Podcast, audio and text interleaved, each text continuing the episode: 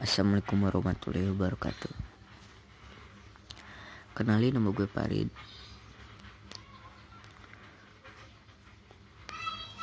Oke dan untuk sebelum saya memulai podcast ini Saya mau berterima kasih kepada Spotify. Karena di sini saya bisa membagikan kisah tentang hidup saya dan terima kasih juga kepada aplikasi Anchor. Karena di sini kita bisa belajar cara membuat podcast seperti saya.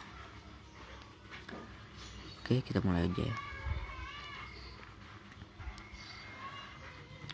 Uh, kisah hidup saya cukup rumit. Tapi saya tahu tidak serumit yang sekirain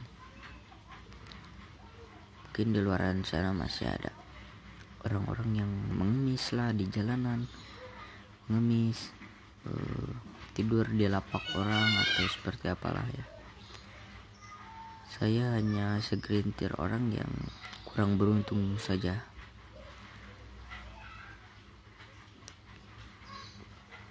Kisah itu dimulai ketika umur saya 9 tahun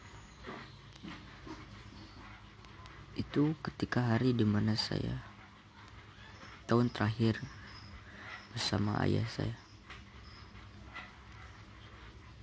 Di situ mungkin saya tidak ada saya tidak tahu ayah saya akan pergi untuk selamanya.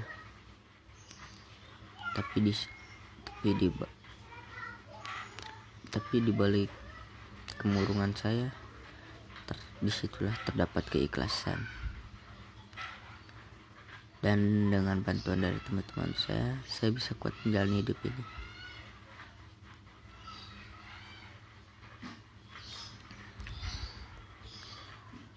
Pada saat dua hari terakhir ayah saya akan meninggal saya seperti biasa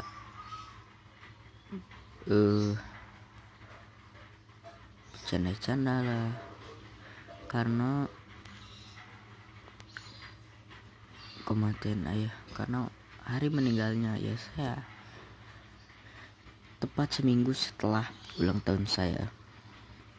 Ketika ulang tahun saya 9, 9 tahun saya pada saat itu dibelikan sepeda.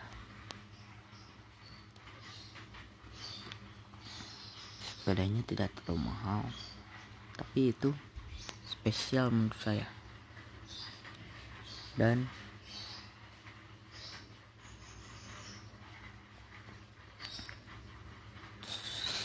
setiap harinya saya terus ya, selama lima hari setelah mendapat sepeda itu. Saya terus ke mana-mana memakai sepeda. Sampai akhirnya uh, pada saat keesokan pada saat hari ke-6 saya ada firasat tidak enak. Ya saya saya mengiranya saya mengiranya pada saat itu bukan tentang kematian. Pada saat itu pada pada sore harinya saya ber pada saat itu bermain bersama teman saya. Ikan eh di halaman rumah kami di halaman rumahku. Itu di, situ kita main bengkel-bengkelan. Situ kita main bengkel-bengkelan ya. Uh,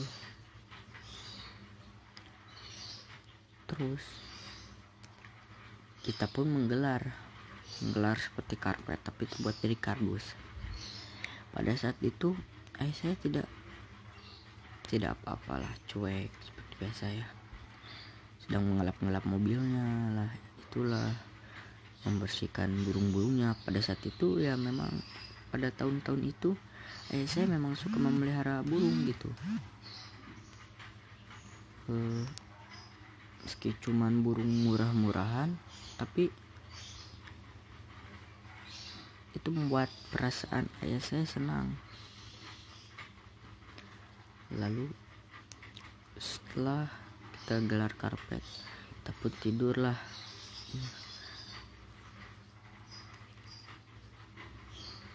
Di belakang karpet itu emang semak-semak ya. Semak-semak yang suka banyak ular itu loh. Yang suka banyak itu suka banyak ular seperti itulah. Saya tidak tahu namanya apa itu tapi beberapa menit kemudian eh, saya melihat. Lalu kami berdua pun dimarahi ya guys.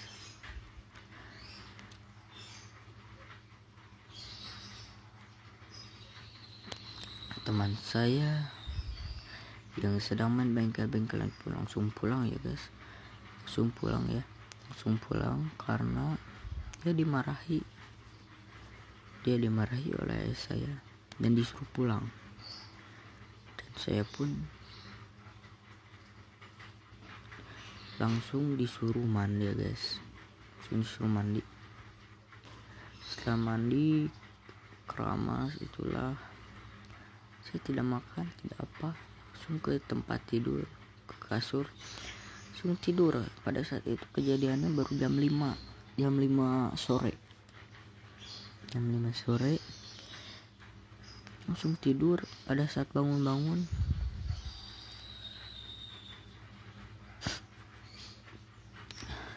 Pada saat bangun-bangun pada saat bangun-bangun kakak saya sudah sudah menangis. Saya pun menanyakan apa gitu? Kenapa dia menangis tengah malam situ saya, saya takut. Saya kira ada hantu atau apalah.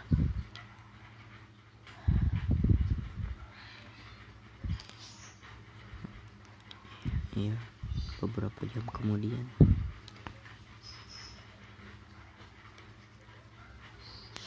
Di luar rumah di halaman rumah saya banyak orang. Dan ada satu jenazah di sana situ saya sangat terpukul. Bahkan saya akan bunuh diri di sana. Pernah akan bunuh diri. Tapi berkat bantuan dari teman-teman saya saya mengikhlaskan kemat, kemat meninggalnya ayah saya dengan sepenuh hati